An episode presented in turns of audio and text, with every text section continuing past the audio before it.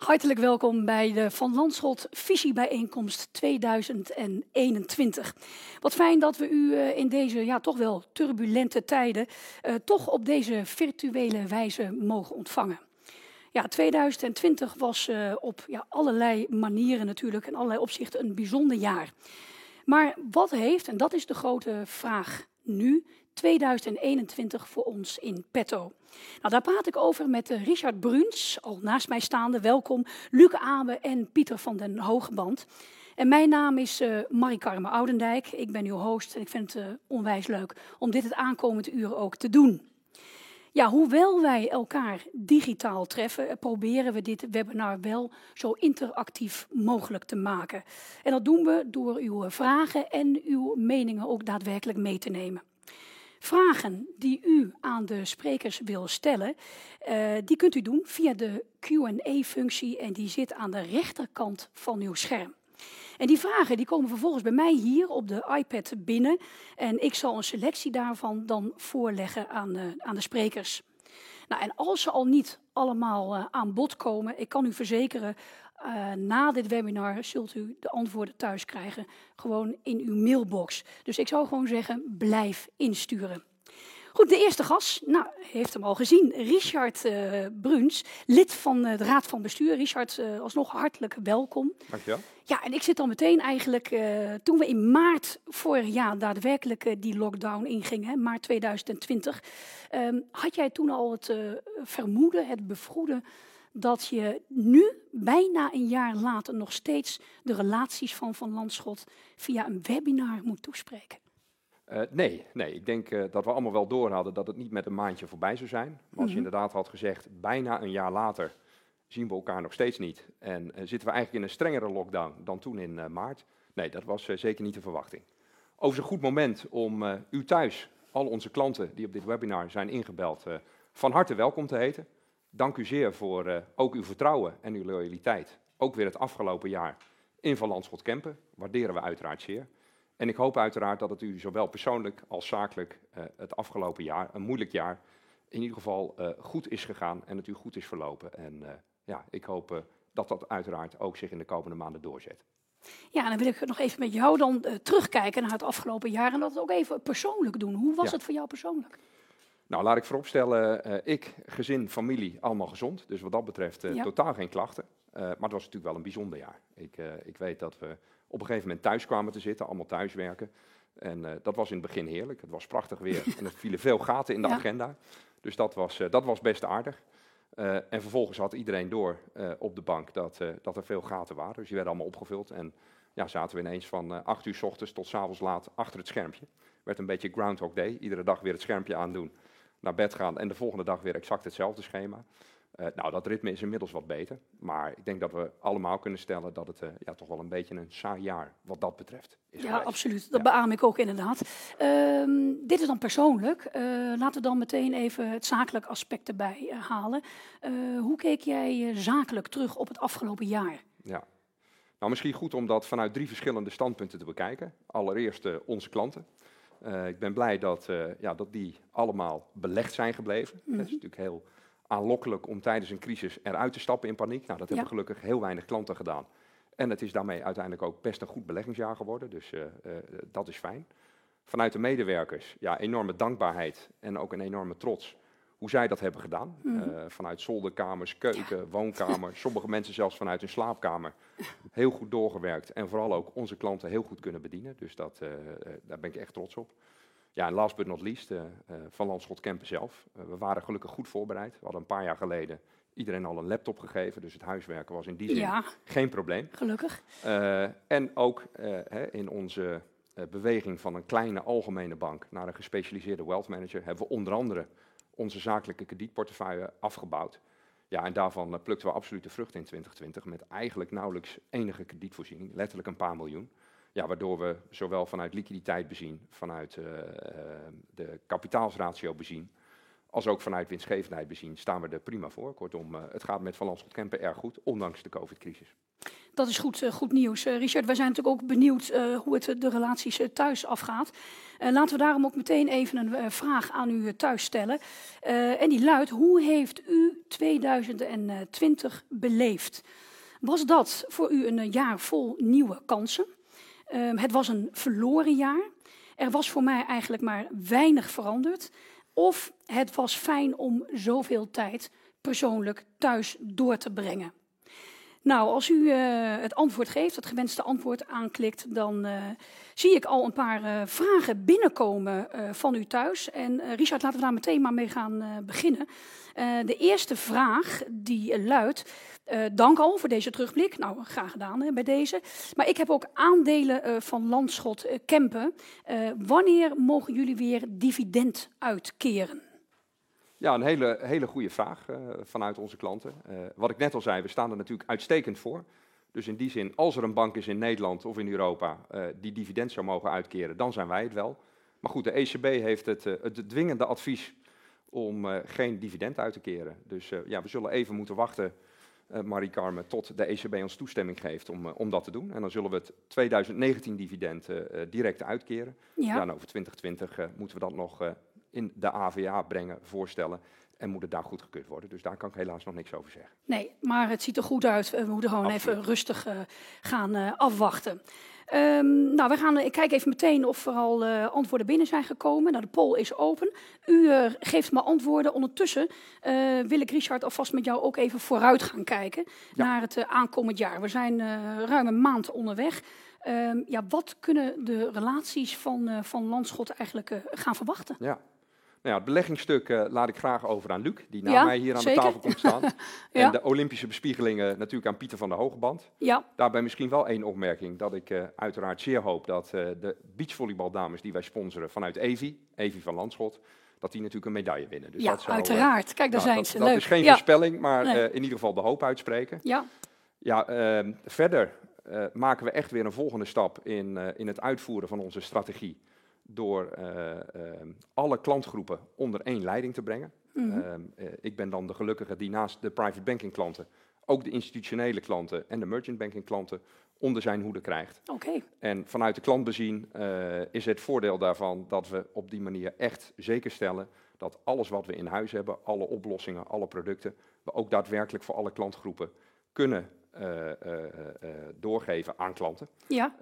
dus daar kijk ik zeer naar uit kan me voorstellen. Dat is even vanuit uh, Van Landschot uh, Kempen zelf. Ja. we hebben natuurlijk na UBS Nederland en ook Staal Hof Horneman overgenomen. Nou, die integratie vindt as we speak plaats. En dat zal de komende maanden ook nog doorgaan. Mm -hmm. Voor misschien alle Hof Horneman klanten die op deze webinar inbellen, uiteraard van harte welkom.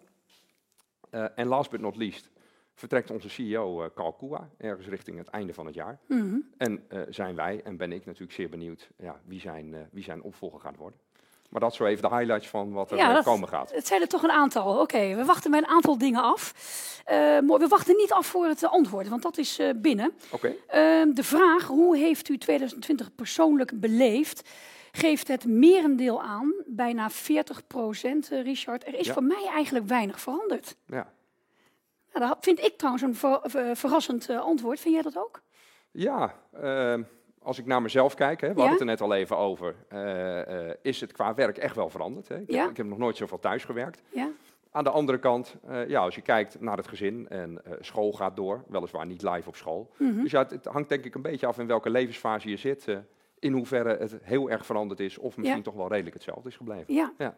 Nee, uh, apart inderdaad. En, uh, maar mooi in ieder geval. Dus 40% nog heel even, weinig veranderd. Uh, een jaar vol nieuwe kansen, die volgde daarna. Ja. Ruim 25%. Nou, dat is ook goed om te horen. En dan, het was een verloren jaar en dat is bijna gelijk aan het was fijn om zoveel thuis te zijn. Nou ja, goed dat we dat in ieder geval even meenemen. Um, daarbij komen ook de kijkersvragen al binnen. Richard, ik ga jou er meteen een voorleggen. Um, Gaan jullie uh, mee in de trend om negatieve rente te rekenen over spaargeld? Zeker, uh, dat doen we ook al. Hè. Uh, per 1 januari moet je op iedere rekening die je hebt vanaf 250.000 euro zogenaamde rente betalen in plaats van te ontvangen. Het goede nieuws is wel dat we een wealth management arrangement hebben gecreëerd, wat betekent dat je ongeveer zo'n 20% van je totale vermogen bij ons in cash mag aanhouden, zonder dat je daarover negatieve rente betaalt. Dus we hopen daarmee, Marie ja. Carmen, wel een goede oplossing te hebben bedacht. Om in ieder geval dat deel van je vermogen, wat je normaal gesproken toch wel liquide aanhoudt, als je bij ons echt goed belegt, om dat zonder negatieve rente te mogen doen. Heel goed. Nou, dat is in ieder geval fijn om te horen. Um, tot slot, Richard, wil ik jou nog even vragen. Um, en dat is eigenlijk een beetje speculeren ook, maar toch altijd leuk om even te doen.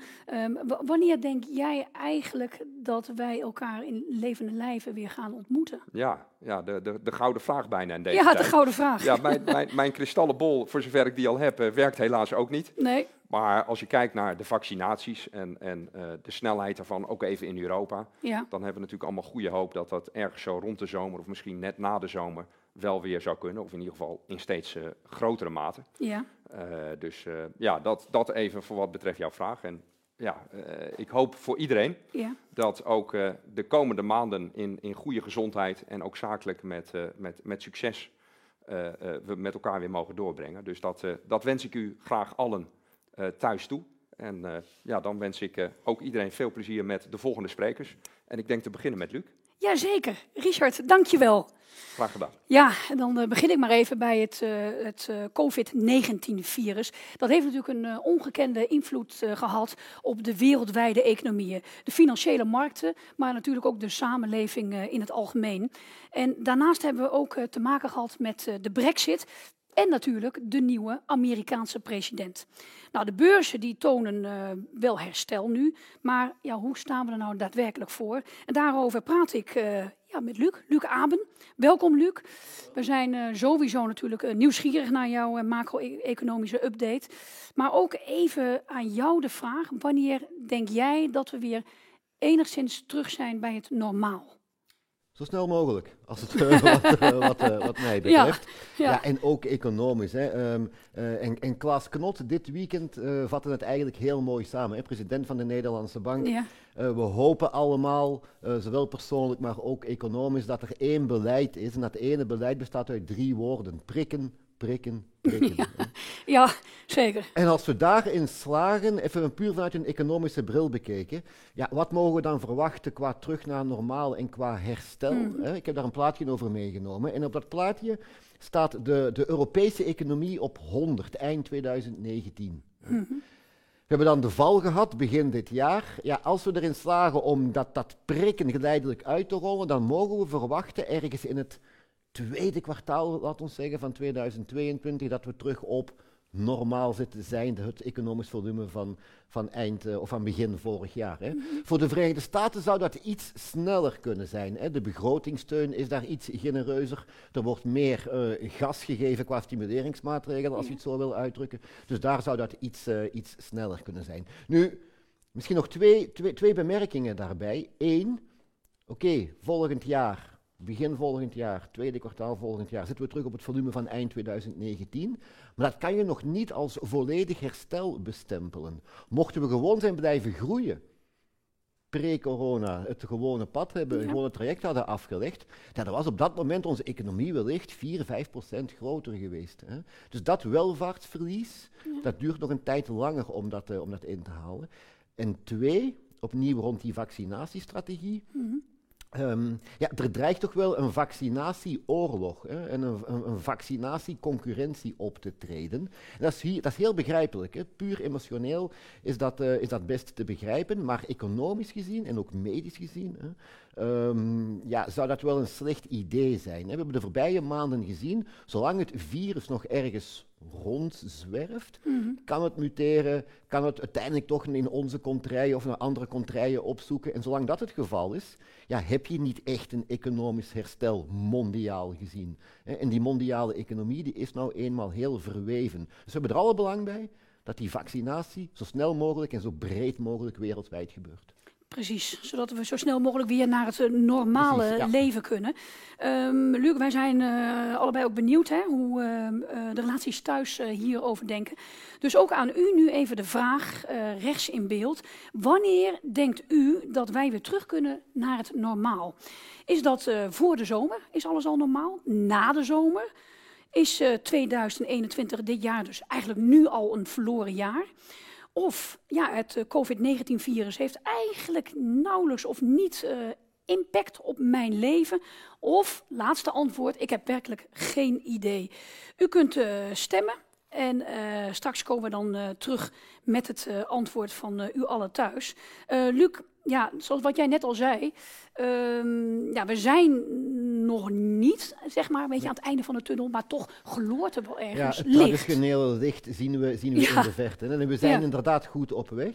Um, ons scenario, ons economisch scenario, is dan ook dat we dat geleidelijk in de tweede jaarhelft gaan bereiken, dat licht. Maar er zijn twee belangrijke voorwaarden. Eén, mm -hmm. dat centrale banken, het monetaire beleid als je wil, de steun die de voorbije maanden is gegeven, dat die lang genoeg, voldoende lang wordt volgehouden. Mm -hmm. Nu, centrale banken hebben zich daar al toe gecommitteerd ja. eh, eigenlijk. Maar twee, vanuit de begrotingen moet die steun ook voldoende lang worden aangehouden. In de Verenigde Staten lijkt dat minder een probleem. Ja. Daar lijkt dat niet echt een issue, een discussie. Europa op dit moment ook nog niet, maar na de eurocrisis van 10, 12 jaar mm. terug zagen we dat er in Europa tamelijk snel terug naar bezuinigingen werd gegrepen. Ja. Ik denk dat we dat dit keer moeten vermijden om dat licht aan het eind van die bewuste tunnel inderdaad ja. zo snel mogelijk te bereiken. Je, je zou zeggen, wat je leest in de kranten, dat die boodschap ook eigenlijk wel is doorgedrongen. Daar lijkt het op, maar er zijn af en toe toch wel wat dissonante geluiden uh, ook. Maar dat zou denk ik okay. puur maatschappelijk en economisch een, een cruciale ja. fout kunnen zijn. Ja. Maar toch, dat ja. dus niet uh, radicaal bezuinigen, maar uh, stimuleren. Um, ja, die begrotingsschulden, tekorten. Ja, ik zou dan bijna zeggen, hoe komen we daar dan allemaal van af als we dat nu allemaal in de economie uh, stoppen? Ja, nee, er zijn, er zijn ook nadelen aan. Hè. Natuurlijk zijn er nadelen. Um, maar we hebben geen keuze. Ik denk, denk, echt niet dat we een keuze hebben. Hè. Daarnaast, mm -hmm. ja, je moet die schuldopbouw in de gaten houden. Ja. Uh, maar het ook wel een beetje kaderen en, en nuanceren. Hè. Kijk, mm -hmm. op zich zijn overheidsfinanciën, dat is een tamelijk eenvoudig mechanisme. Hè. Mm -hmm. Je couranten, je dagelijkse uitgaven, daar moet je voor zorgen dat die zoveel mogelijk gedekt worden door courante dagelijkse inkomsten. Maar onvoorziene uitgaven zoals deze rond COVID, als je daar uitgaven voor moet doen, moet je die doen. En als je daar schulden voor moet aangaan, moet je die aangaan.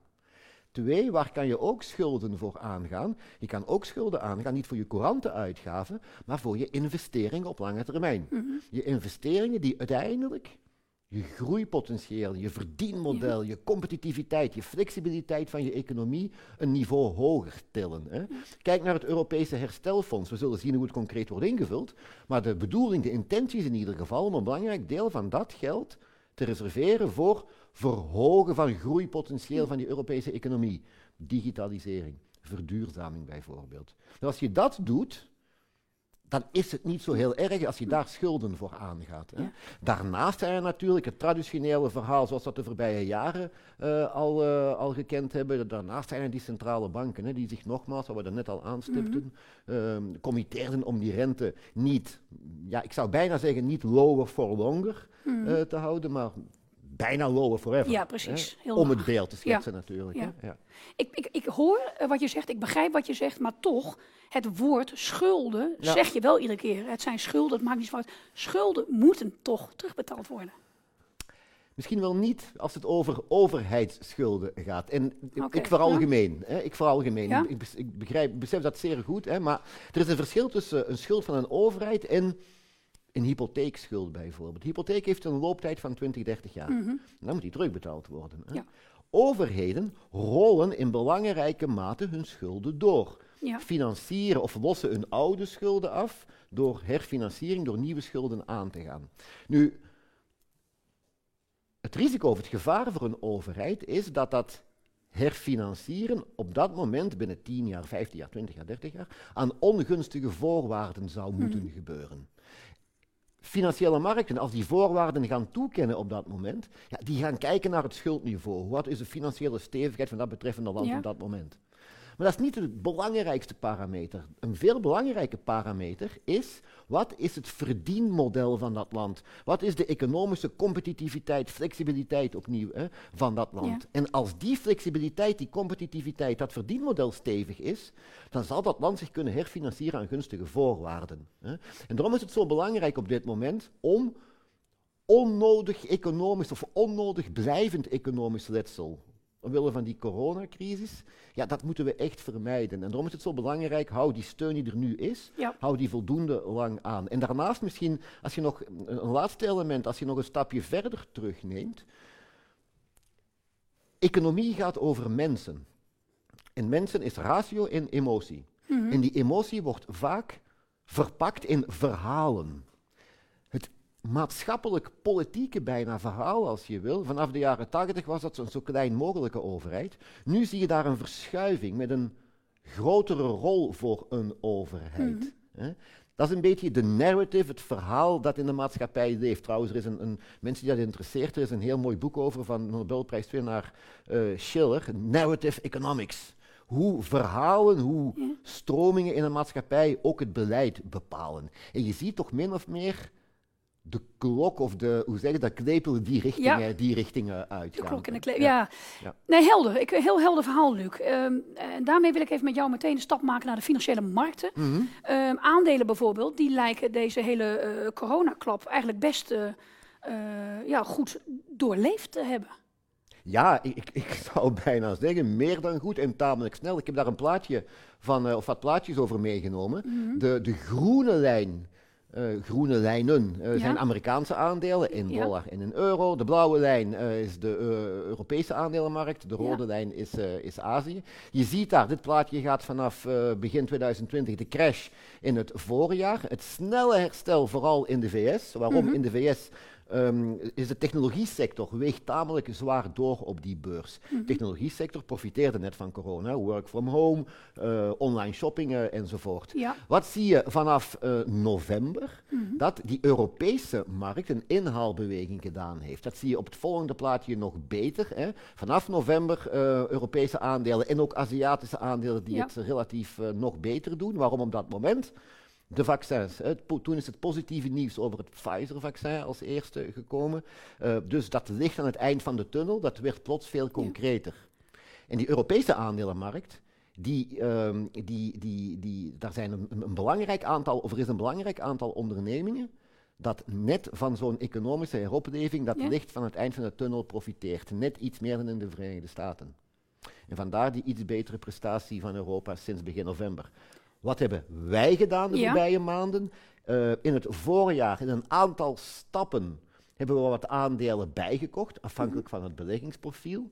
Ehm, en in november, bij het positieve vaccinnieuws, ehm, nog wat bijkomende stappen gezet richting, eh, richting aandelen. Dus eigenlijk, als je het samenvat, we zijn langzaam geëvolueerd naar een, ja, in het mooi Nederlands, een risk-on eh, attitude. Wat meer risico Mhm, in die ja. Eh, of aan die portefeuille toe te voegen. In aandelen, maar ook in het vastrentende deel van, eh, van onze portefeuille. Als je kijkt naar bedrijfsobligaties ehm, van, van degelijke kwaliteit, maar ook hoogrentende bedrijfsobligaties Ja. met iets meer risico. Als je kijkt naar obligaties van groeilanden, ja, ook die kenden de crash in maart, in het Ja. voorjaar, maar ook die eh, zijn hersteld. Ook die hebben we in de loop van de voorbije maanden wat opgebouwd in onze portefeuilles. Mhm. En die houden we op dit moment nog steeds aan richting de komende tijd. Ja, en het, wat ik dan zo bijzonder vind, wat jij zegt, het gaat hartstikke goed. Ehm, aandelen zijn ook eh, nou, relatief duur, noem ik, noem ik ze dan nee, maar. ja, ja. Maar de economie waar we het daarvoor over hadden, ja. Die is natuurlijk nog lang niet waar die eh, wezen moet. Dus Nee. hoe kan ik die twee rijmen met elkaar? Ik zou ze bijna losgekoppeld Ja. zien van elkaar. Ja, en dat, dat is een terechte bedenking of een terechte gedachte. Hè. Dat is eigenlijk de fameuze loskoppeling tussen eh, Wall Street en Main Street. Hè. Mhm. Nu, je kan inderdaad bezwaarlijk zeggen dat aandelen goedkoop zijn. Hè. Als je kijkt naar een traditionele waarderingsparameter voor aandelen, de koers-winstverhouding, Mhm. dus koers van de aandelen gedeeld door de winst van de onderliggende onderneming, of de verwachte winst van de onderliggende onderneming in Europa. Ja, en je gaat dat op een lijntje dat een aantal jaren loopt uitzetten, ja, dan is die huidige koers-winstverhouding is hoog. Ja. hè. In Europa, hetzelfde verhaal in de, in de Verenigde Staten. Hè. En dan zou je kunnen zeggen van, kijk, hè, nogmaals, koers-winstverhouding, koers van de aandelen, Mhm. gedeeld door de winst van de onderliggende onderneming. Weet je wat, we verwachten een economisch herstel. We gaan niet de verwachte winst eind dit jaar nemen, we gaan Mhm. kijken naar de verwachte winst in 2022. Wat is dan het waarderingsplaatje op basis van Ja. deze parameter? Zelfs dan zie je koers-winstverhouding op basis van de verwachte winst in 2022 in Europa, Ja. laatste tien jaar uitgezet, blijft dat hoog. Mhm. En hetzelfde verhaal in, eh, in Europa. Dus ja, het is inderdaad zo. eh, er is al tamelijk wat positief nieuws ingeprijsd. Ontegensprekelijk.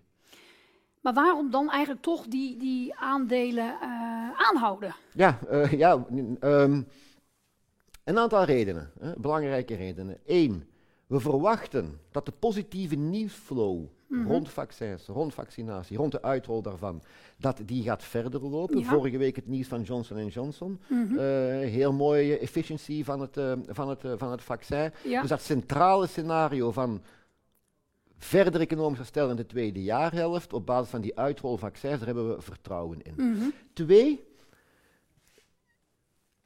in absolute termen, die koers-winstverhouding van daarnet. Mhm. hè, In absolute termen zijn aandelen inderdaad duur. Maar je moet dat ook relatief bekijken. Wat bedoel ik daarmee? Als belegger, als samensteller van een gespreide beleggingsportefeuille, heb je in essentie maar drie keuzes.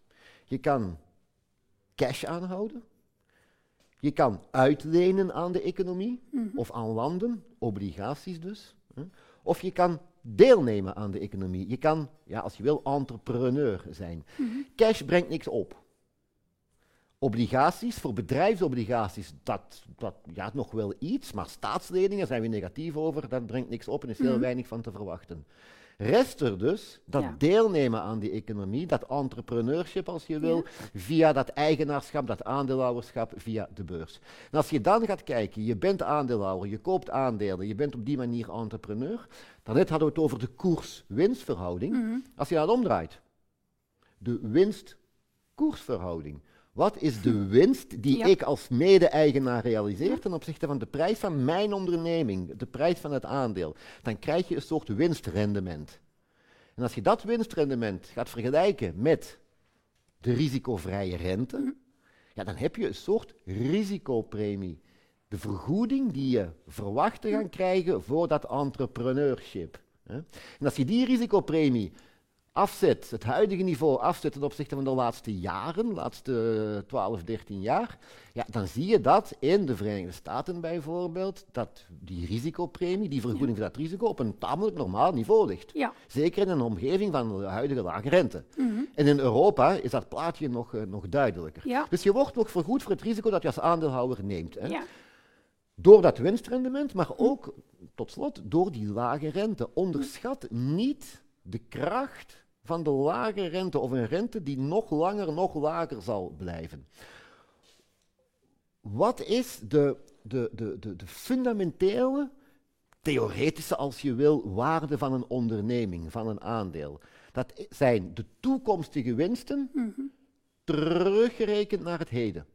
Wat is de huidige waarde van toekomstige verwachte winsten? Hoe doe je dat technisch door, door de rente te delen? Het zal ons nu te ver leiden. Maar dat betekent dat het renteniveau een significante impact heeft op het berekenen van een faire waarde, een objectieve waarde van een onderneming of een aandeel. Hè. Ik heb dat hier meegenomen als illustratie. Stel je hebt een onderneming met een cashflow winst op een lange termijn van 100. Je rente is 2%. Ja. De huidige waarde van al die cashflows van 100 in de toekomst is 5000. Je kan dat narekenen als je wil. Dat, Maar dat doe ik niet. dat klopt. Ja, dat weet klopt, ik. Hè, als beeld. Hè. Ja. Stel nu, je zit in een 90% economie. Mhm. Je Ja. cashflow, je gaat van 100 naar 90 en je rente blijft 2. Ja. Dan is je huidige waarde, je fair value in het, eh, in het Engels, is 4500. Ja. Stel nu, je blijft in een 90% economie aanmodderen. Er komt niet echt een herstel. We bereiken dat licht aan het eind van de tunnel niet echt. Hè? Dan blijft die, die, dat winst, die winstgeneratie blijft 90. Maar als je rente dan daalt van 2 naar 1, ondanks het feit dat je een 90% economie blijft aanmodderen, stijgt toch je fundamentele, faire waarde van je aandeel van je bedrijf van 5000 naar 9000. Hè? Om, Ja, al, om al die redenen Ja. dat accent op aandelen binnen een gespreide beleggingsportefeuille. Nou ja, goed, maar heel helder die, die kracht van eh, rente. Maar ja, uiteindelijk zou je dan nu ook wel zeggen, eh, jouw verhaal aanhorende, ja, er is eigenlijk eh, weinig tot geen risico. Er zijn altijd risico's. Hè. Normaal gezien, dit soort presentaties gebeurt live. En ik noem het altijd de kanaries in de koolmijn.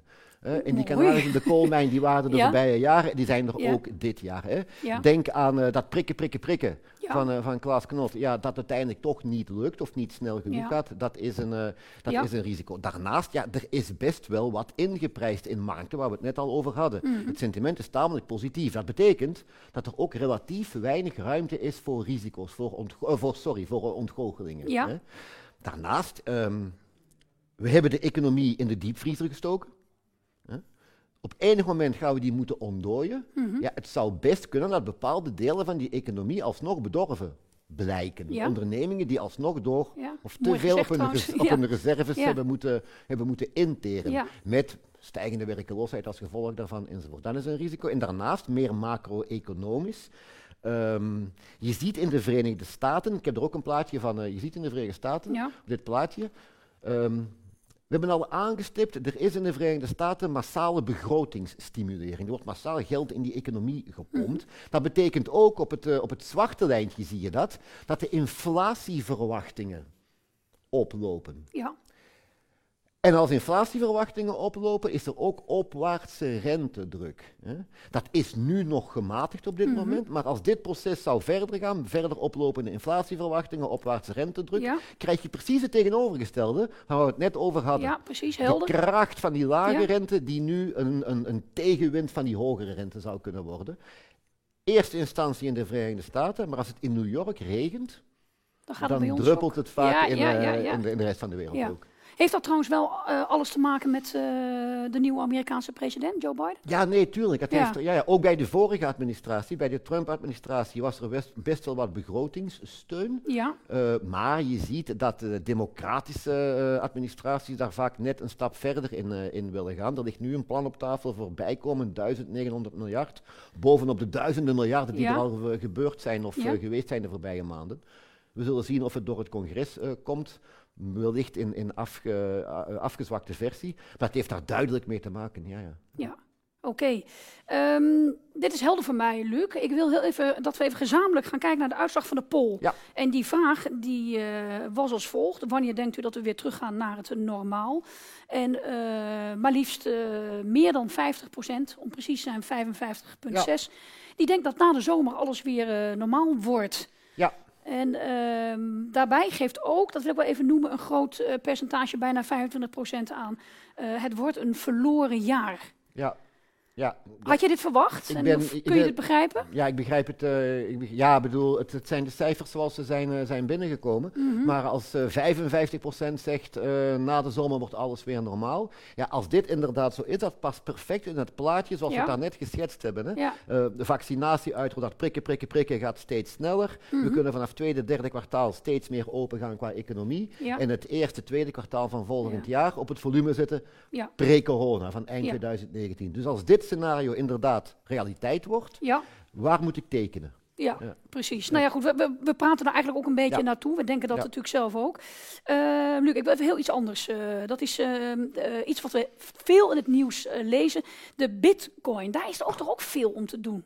Ja, daar is inderdaad heel veel, daar is opnieuw veel rond te doen. Hè. Drie, Ja. vier jaar geleden was dat ook zo. Ook een hoge vlucht toen. Eh, daarna een, een, een, heel scherpe, een heel scherpe val eh, Ja. gemaakt. Ja, je ziet daar opnieuw de interesse. Ehm, heeft te maken met dat, met dat geldbeleid van centrale banken voor een Ja. stuk. Hè. Centrale banken creëren geld, creëren geld. Sommige mensen zeggen, ja, dat gaat, eh, dat gaat het vertrouwen in dat geld ondermijnen. Ik wil iets dat schaarse is. Men is, is naar iets op zoek dat men niet zomaar kan dupliceren Ja, niet zomaar kan eh, vermenigvuldigen.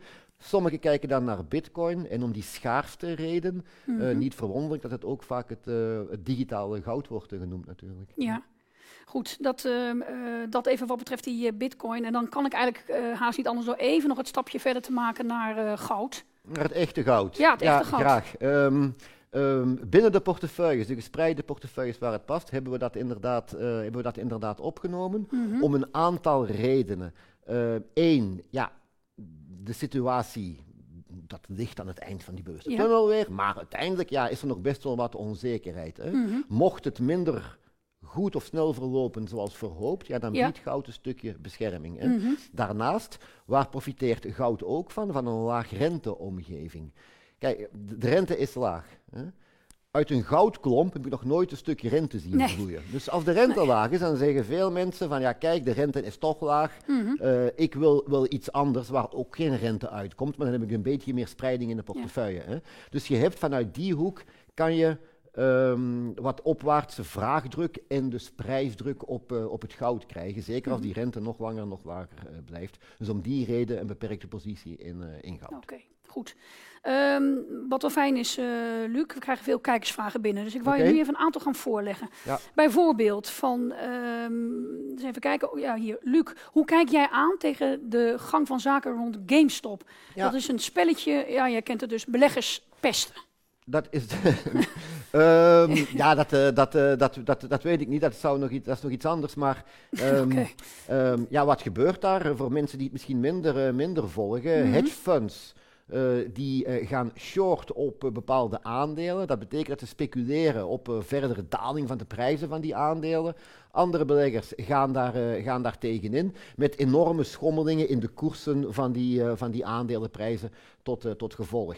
Nu, de kernvraag is, de belangrijkste vraag, gaat dit tot een systemisch risico leiden? We hebben in 2007, 2008 gezien dat op basis van dit soort, wat jij noemde, eh, eh, spelletjes, dat heel het financiële systeem dreigde te imploderen. Gaat dat opnieuw het geval zijn? Wel, ik denk het niet. Waarom niet? Een aantal redenen. Eén, 2007, 2008 ging het over of was de basis van al dat gespeculeer, was de Amerikaanse vastgoedmarkt.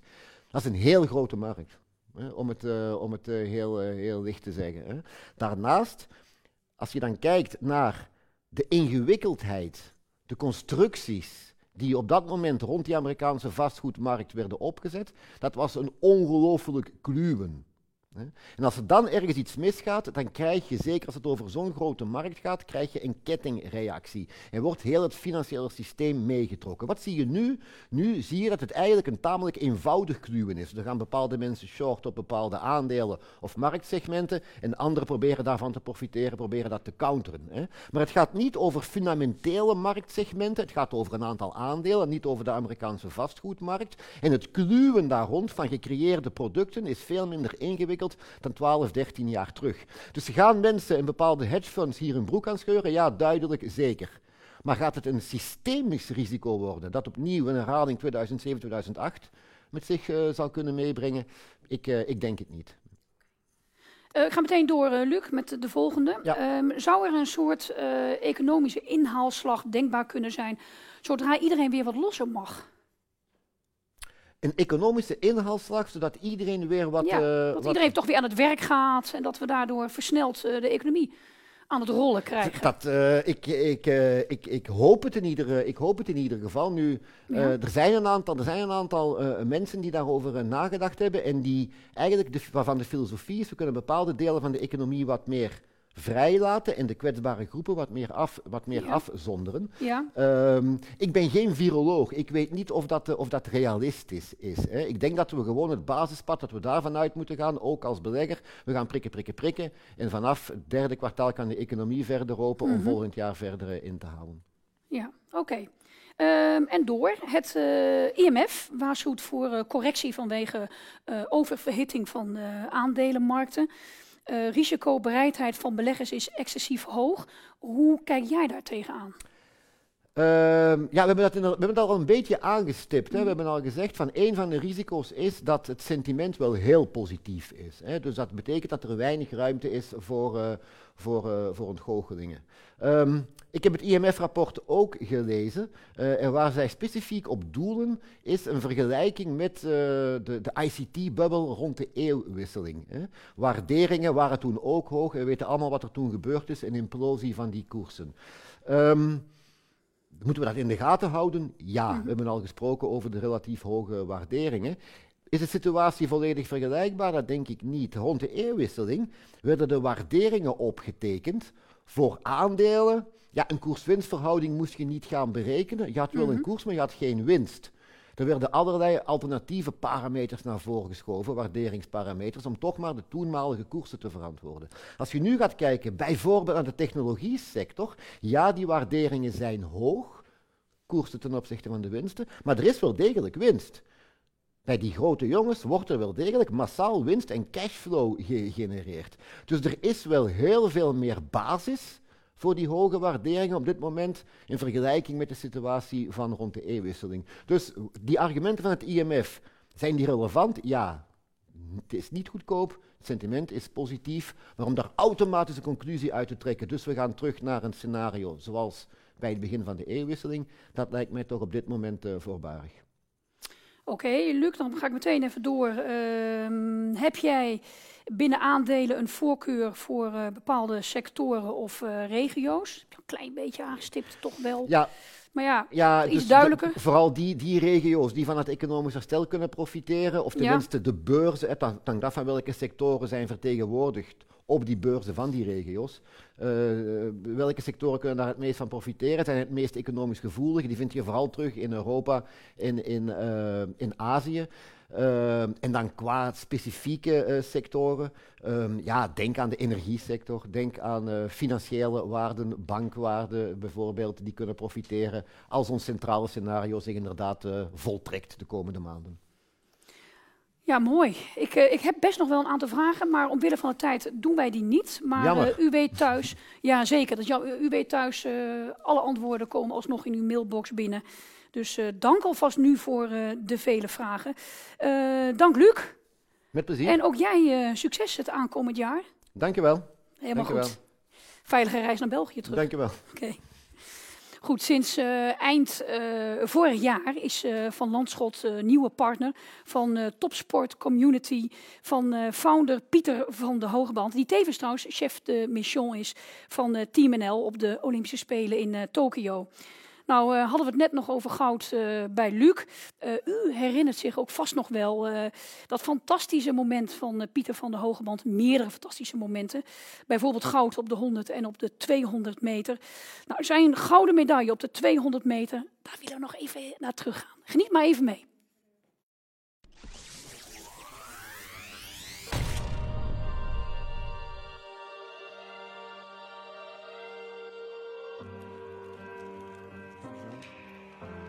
It must have been intimidating in that pool. There were 17,000 people that were pretty much cheering for me. There was that kind of sense that something's about to happen.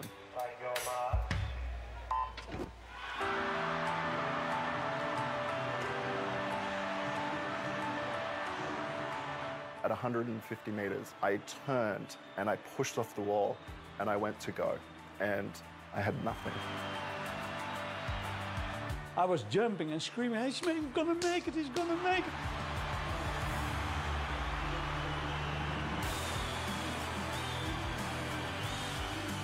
I touched the wall and I knew I'm an Olympic champion.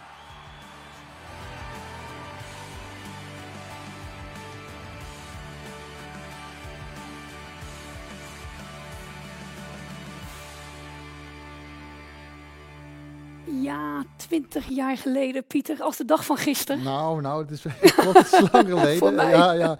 Nou, het is wel uh, blij dat het nog in uh, kleur is, want er zijn veel, veel beelden van mij in zwart-wit. Maar wat een afschuwelijk trainingspak, hè? Ja. Maar ja, maar dat mocht de pret niet drukken. Nee, maar het was wel uh, een fantastisch, fantastisch moment, hè? Nou ja, weet je, het, het, ook dit moment, ehm, afgelopen september, ging in één keer mijn telefoon en belde Ian Thorpe me op. Ah. Twintig jaar na data, hij zei, ik wil je nog een keer feliciteren. Dat hoeft natuurlijk niet. We hebben echt een leuk gesprek gevoerd. Maar dat, dat betekent ook kameraadschap en, en, bepaalde Olympische waarden. En als ik dat dan zie, het is alweer een tijdje geleden dat ik het heb gezien, dan ja, weet je, vind ik toch wel, uh, ja, toch wel bijzonder dat ik dat heb mee mogen maken. Dus ook een vorm van dankbaarheid. Ja, en ook wel wat, wat een collegialiteit ook, dat dat nog gebeurt na twintig jaar, dat je nog een keer gefeliciteerd wordt. Ja, ja, weet je, en het was ook leuk. En, en vier jaar later in Athene uh, uh, won hij uh, het goud, ik het zilver. Ik zei, ja, je had, daarna heb je vier jaar later wel je revenge gehad. Hij zei, nou, dat dekt de lading niet, maar ik snap wat je bedoelt. Ja. En we hebben nog steeds gewoon een goede band en dat is me eigenlijk heel veel waard. Ja.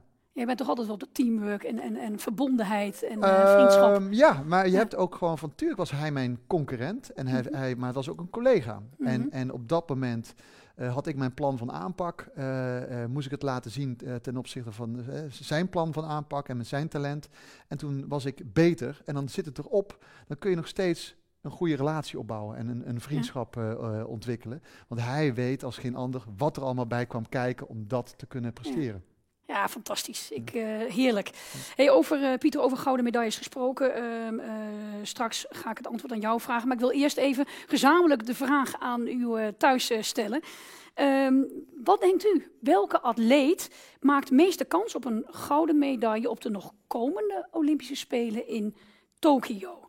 Nou, is dat Mathieu van der Poel? Is dat Epke Zonderland? Is dat Daphne Schippers? Is dat Sifan Hassan? Of, ja, de Olympische Spelen gaan helemaal niet door. Ik zou zeggen, stemt u thuis. Wij gaan het er straks uitgebreid over hebben. Maar Pieter, allereerst even een beetje andere insteek als bij de andere gasten. Terugkijkend op eh, het afgelopen jaar, 2020. eh, wat was positief? Ehm, ja, ik ben ook papa van vier kinderen. Dus, dus wat ik ook al eh, bij de eerdere sprekers ook hoorde. Ja, het was ja, zaak om, om er het beste van te maken. Mhm. Ik was gastdocent. Ik heb eh, ook eh, de lessen van Erik Scherder eh, kunnen toepassen. Mhm. Dat gezonde en, lichaam en gezond, gezonde brein. Goed, Ja. Dus dat moet allemaal goed in balans zijn. Ehm, daardoor heb ik ook voor de kinderen, als ze na twee uur studeren, eventjes een eh, bepaalde lichamelijke activiteit met basketballen, voetballen. Hartstikke leuk om dat, weet- weet je, ook de, de- weet je, even dat soort momenten waarderen. Dus de, de- de Mhm. enorme kwaliteit vond ik het fijn om samen met mijn gezin dingen te ondernemen. Eh, maar weet je, ook met de community, heel mooi jaar. Eh, enorm trots dat eh, Van Landschot is toegetreden tot de Topsport community. Ehm, ik heb ooit die, die, die visie samen een aantal mensen ontwikkeld. Dat we graag kennis willen, de, wilden delen om vooruitgang te boeken. Daar wil je met gelijkgestemden daarin in, in optrekken. En aan de hand van een aantal thema's, mooie bijeenkomsten, probeer je dus ook de strategieën werkzaam te maken van, van de partners. En eh, ik ben enorm blij en trots dat, eh, dat Van Landschot eh, een van de partners is van de, van Ja. de community. Dus ook daarin, ja, ik heb toch ook een paar hele mooie momenten. En, en, en ook het niet doorgaan van de Spelen, hoe gek dat ook klinkt, heeft ook weer nieuwe inzichten gegeven. Ik heb vanuit de, de, de sport en de sporters heb ik geleerd accept, adapt en move on. Vind ik een hele st- sterke en die heb je van de atleten zelf Van de geleerd. atleten zelf, ja. Een aantal ju- judoka's ook. Ja. Van accept, adapt move on. Ik heb mij hard mogen maken, weet je, als chef de mission. Ook dat Mhm. is een teamprestatie. Ja. Ook weer goede mensen om je heen verzamelen. En met dat team ben ik aan de, aan de slag gegaan. En, ehm, en wij hadden op een gegeven moment, ja, was het twijfelachtig van wat gaat er nu gebeuren met de Spelen. En hebben we toch wel gevraagd aan het IOC van jongens, hak die knoop door. Die atleten hebben duidelijkheid nodig. En toen kwam dat uiteindelijk het, eh, het, het moment van, eh, eh, dat het naar buiten kwam, dat het niet doorging. Accept, adapt en move on. Dus eh, streep eronder zetten. Je mag verdriet hebben en, en vervelend Ja. en, en, en oké, de balen. Daarna een beroep doen op je adaptief vermogen. En daarna weer een stip aan de horizon. Dus de Spelen eh 23 juli is het, is, eh, ga- gaat het openings, de openingsceremonie plaatsvinden. En deze sheet die je nu eh, achter mij eh, ziet, Ja. is, heb ik, ehm, eh, dat is een, eh, ehm, je, ik werk graag samen. Samenwerken is Mhm. enorm belangrijk. Ehm, van, dit is dan accept, adapt and move on. Ja. Maar de, de samenwerking binnen teams.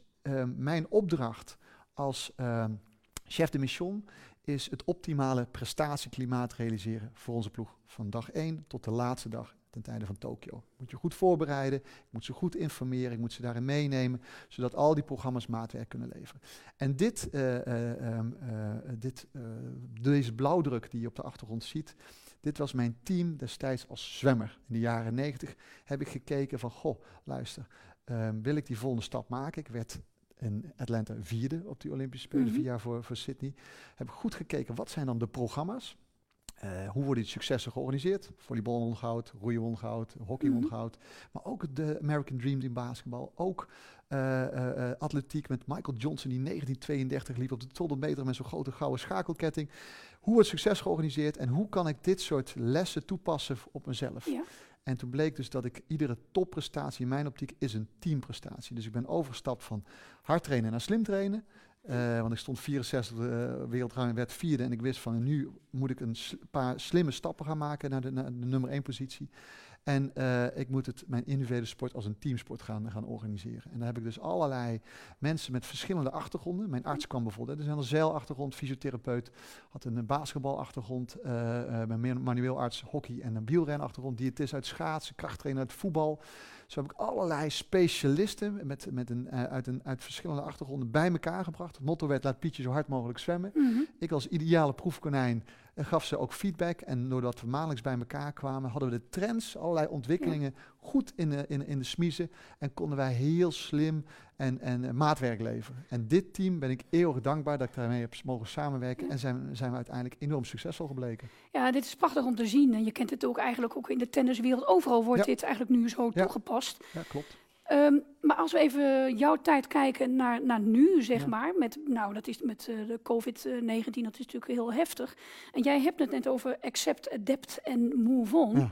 Dat is dus weer iets nieuws, iets extra's op dit. Zie Ja. ik dat goed? Ja, absoluut. En eh, ehm, kijk, dit team heeft er ook voor gezorgd dat adapt, hè, de tweede Mhm. fase, het adaptief vermogen, dat alles wat er dan ook gebeurde, er is geen één carrière die zo, hup, zonder weerstand in één keer Ja. zo richting de top. Dus je leert eh, eh, een mechanisme te ontwikkelen, dat je ook met, in de- met, je, met je talent, je intrinsieke motivatie, je wilskracht, maar dat je te- steeds maar weer slimme oplossingen met dat hele team bedenkt voor de uitdaging die op je pad komt.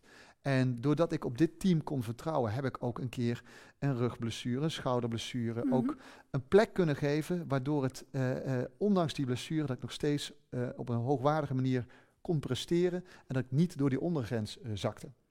En dat is nu wat er ook, ja, weet je, de programma's nu in die Olympische ploeg, die zijn van een dusdanig hoog niveau, ehm, eh, dat, eh, ja, weet je, ook de coaches heel slim en goed zijn in dat adaptief vermogen en ook hun, hun eh, sporters weer perspectief geven. Want 23 juli gaat de Ja. openingsceremonie plaatsvinden. Prima, maar dat is even interessant, Pieter. Want dan gaan we even de uitslag erbij Ja. pakken. Hè? Welke atleet maakt het meeste kans op een gouden medaille?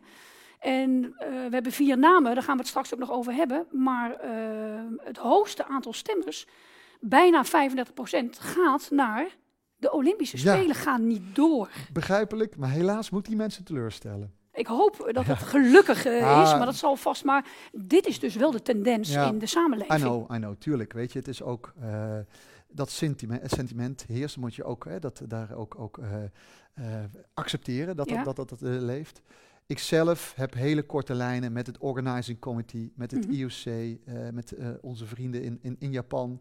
En samen met hen zijn we bezig om die Ja. spelen eh, ook te organiseren. Ze zeggen ook van, joh, help ons. Weet je, we hebben Ja. een aantal scenario's gekre- meegekregen. Ja. Een van het, het scenario waar wij van uitgaan is het learning to live with it scenario. Daarin hebben ze allerlei kenmerken meegegeven, een aantal pijlers.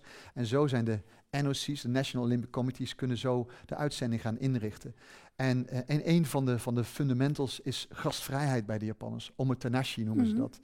En ik weet dat zij alles op alles zetten om voor de sporters, met de sporters, die spelen daar te gaan organiseren. En wat voor omstandigheden daarbuiten, of wel of niet, Ja. eh, met, met, met toeschouwers, dat, dat, dat, weet ik niet. Nee. Maar ik weet dat de sporttechnische zaken van een ongekend hoog niveau, een Olympisch niveau zijn.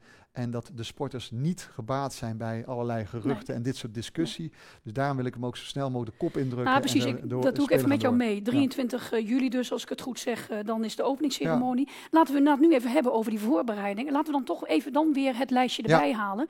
By far eh, de meeste stemmen op eh Mathieu van der Poel. Niet zo eh, verwonderlijk na afgelopen week. Ja, ja fenomenaal sportman. En eh, ja, weet je, even sowieso, nu, nu zijn er de vier uitgehaald. We hebben ook hele mooie, mooie teamsport. Teamsporten Mhm. zorgen altijd voor hele mooie verhalen hè, tijdens, Ja. tijdens de Spelen. Ja, weet je, dit, is, eh, dit zijn eh, ja, mensen, de sportmensen, die hopelijk de Nederlanders dadelijk weer in de zomer kleur op de wangen gaan, gaan, gaan Mhm. geven. Want dat is ook wel, ik doe ook wel een oproep aan de mensen die, die kijken van, we, we hebben jullie support nodig. En, en de, de sporters die hebben ook gewoon, ja, weet je, dat is hun perspectief. De Spelen, daar hebben ze jarenlang voor getraind. 70% van de sporters maakt maar één keer de Spelen mee. Ehm, en, en, en ze zijn zich ook van bewust van, goh, weet je, die focus is op die prestatie, maar er zullen ook heel veel mensen meekijken en meeleven. En die hopen ze proberen, Ja. ja. weet je, de, de Nederlanders weer die, die trots te geven. Die, eh, en dat, eh, dat, eh, dat verdienen de sporters, dat ze ook, ook die, die steun krijgen. Ik, ik las even over dan even die, die periode dat er helemaal niet getraind kon worden. Hè, Ja. Waar je dan weer eh, eh, mee aan de gang moet gaan. Bijvoorbeeld Epke, Epke Zonderland. Ja. Dat die heeft zelfs in die allereerste fase nog gewoon in de tuin eh, aan een boom gehangen. Ja, ja. ja in het kader van adaptief vermogen is dat wel eh, een, dat- een, een unieke. ja. Het, is, ja, het is natuurlijk een unieke kampioen. En ook Epke, ja, weet je, wat hij laat zien. En dat hij ook, weet je, zijn mindset, ondanks wat hij allemaal heeft gepresteerd en heeft meegemaakt. Dus, eh, eh, en dan weer eh, de focus richting, richting Tokio. Ja, weet je, voor dat soort atleten, voor de dus Team NL, de gekwalificeerden, de ploeg waar we mee gaan afreizen. Daar willen wij, ik met mijn team wat ik Ja. mag aansturen, het zo goed mogelijk Ja. neerzetten. Zodat zij op het juiste moment kunnen pieken, kunnen excelleren. Ja. En ik gebruik ook heel vaak de slogan van, van Londen, Inspire a Generation. En hopelijk kunnen zij ook, ook, ook eh, eh, de Nederlanders inspireren met hun gedrag, met hun, met Ja. hun, met hun eh, presteren. Ja. Op het veld, maar ook daarbuiten. Ja, maar dat is zo mooi dat je dat ook zegt, zij, dat zij ons weer kunnen inspireren. Ehm, en, en, en jouw functie is natuurlijk om hun te inspireren en, en hun verder te helpen. Ehm, is dat een moeilijke klus en ben je ook veranderd in voor corona en nu in corona? Nee, nee, weet je, het is eh, mijn opdracht met het team is hetzelfde. Het optimale prestatieklimaat Ja. realiseren, goed voor onze sporters en de coaches. Zij zijn de eigenaren van de medailles. Zij, Ja. hebben, eh, eh, zij moeten presteren, pieken op het juiste moment en wij hebben een faciliterende rol. Tuurlijk is het de puzzel wat ingewikkelder geworden. Ja. Maar ehm, ehm, sporters, die hoef je niet dingen uit te leggen of in ieder geval op te peppen of zo. Eh, wat ze misschien wel af en toe fijn vinden, is er gewoon, hè, het blijven natuurlijk mensen met bijzondere talenten. Om een keer even een kop koffie te drinken en even te luisteren. dat doe jij Eh, ook. even- Ga jij regelmatig Ja, ook? ik Of ja, dat probeer- mag ik- natuurlijk weer niet. ik of- heb de afgelopen eh, maanden heb ik via ook weer een scherm de programma's met name meegenomen, Mhm. geïnformeerd. ja. En door ze te informeren, ehm, kan ik ze, weet je, wat is er allemaal gaande en wat betekent dat voor hen? En ze ook weer, ja, weet je, ook, ook, ook weer perspectief te geven. Hoop ik dat ik ze ook ja, de rust kan geven, Ja. zodat zij zich in alle rust kunnen voorbereiden op die Olympische Spelen, op dat piekmoment. En ehm, eh, de informatievoorziening is daarin heel erg belangrijk. Dat ze dus weten hoe of wat, zodat zij hun programma's daarop eh, kunnen afstemmen. Ja, dus daar ben jij heel belangrijk voor. En je houdt ze dus weg, zoals je net al zei, van eh, al die eh, de geruchtenmachine. Ja, nou ja, weet je, dat, dat, kijk, de sporters, die, die, die geruchtenmachine, ook hun, hun vrienden, hun familie, iedereen Ja. heeft die vragen. Dus, eh, dus als er iets, daarom is het zo vervelend, dat heeft Thomas Bach, hè, de baas van het IOC, ook wel gezegd van, lo- laat die sporters eventjes met rust. Ze zijn er Ja. niet bij gebaat om, om allerlei, ook dat soort vragen te moeten beantwoorden. Laten we eventjes de rust bewaren en eh, de spelen gaan, gaan georganiseerd worden, gaan we Mm. neerzetten. En die sporters moeten zich in alle rust kunnen voorbereiden. Wanneer zijn eigenlijk de Spelen voor jou eh, ja, een, een, een succes? Ja, en is het nu anders dan... Is het nu toch een beetje anders? Nou, weet je, dat is natuurlijk een hele rottige, of in ieder geval het kan een vervelende vraag zijn Ja. voor, voor, voor de chef de mission. Want Maar- mensen beginnen dan meteen, hopsakee, medaillespiegel, eh, klassement. Dat is niet aan mij. Ik vind, ik vind het ook, zou het ook heel, heel vervelend vinden om daar wat van te moeten vinden. Mhm. Eh, die medailles, de eigenaren, wat ik al zei, zijn de sporters en de coaches. Eh, we staan er goed voor. Eh, we, weet je, we, we gaan er alles aan doen om, om, om die sporters te laten pieken, dat ze succesvol zijn.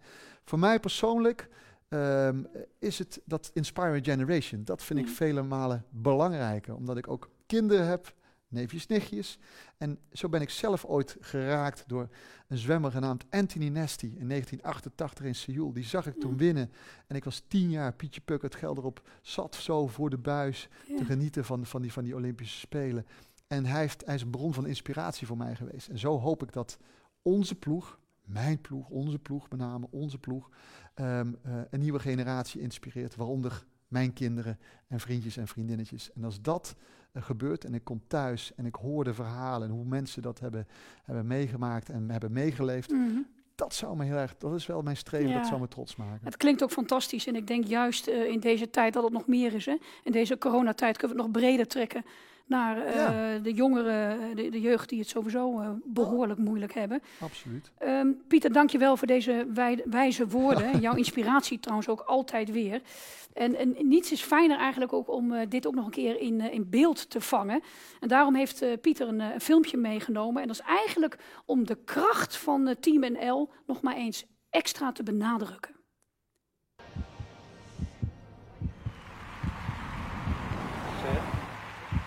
En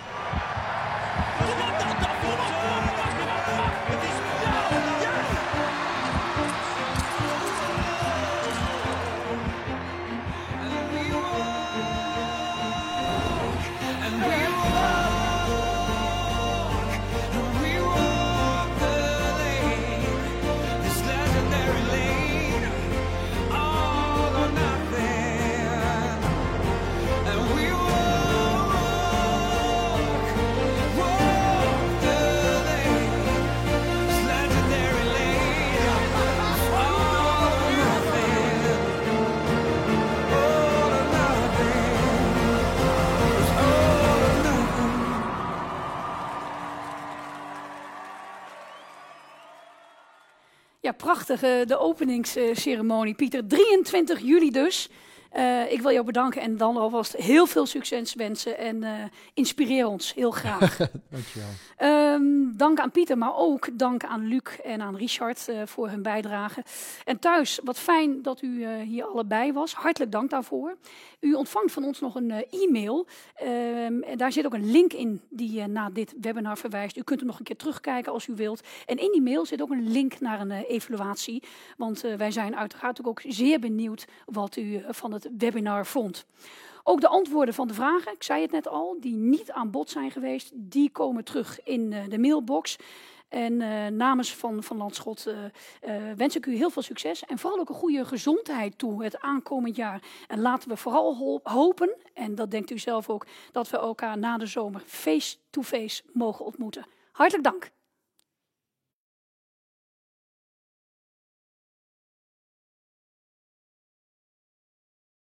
you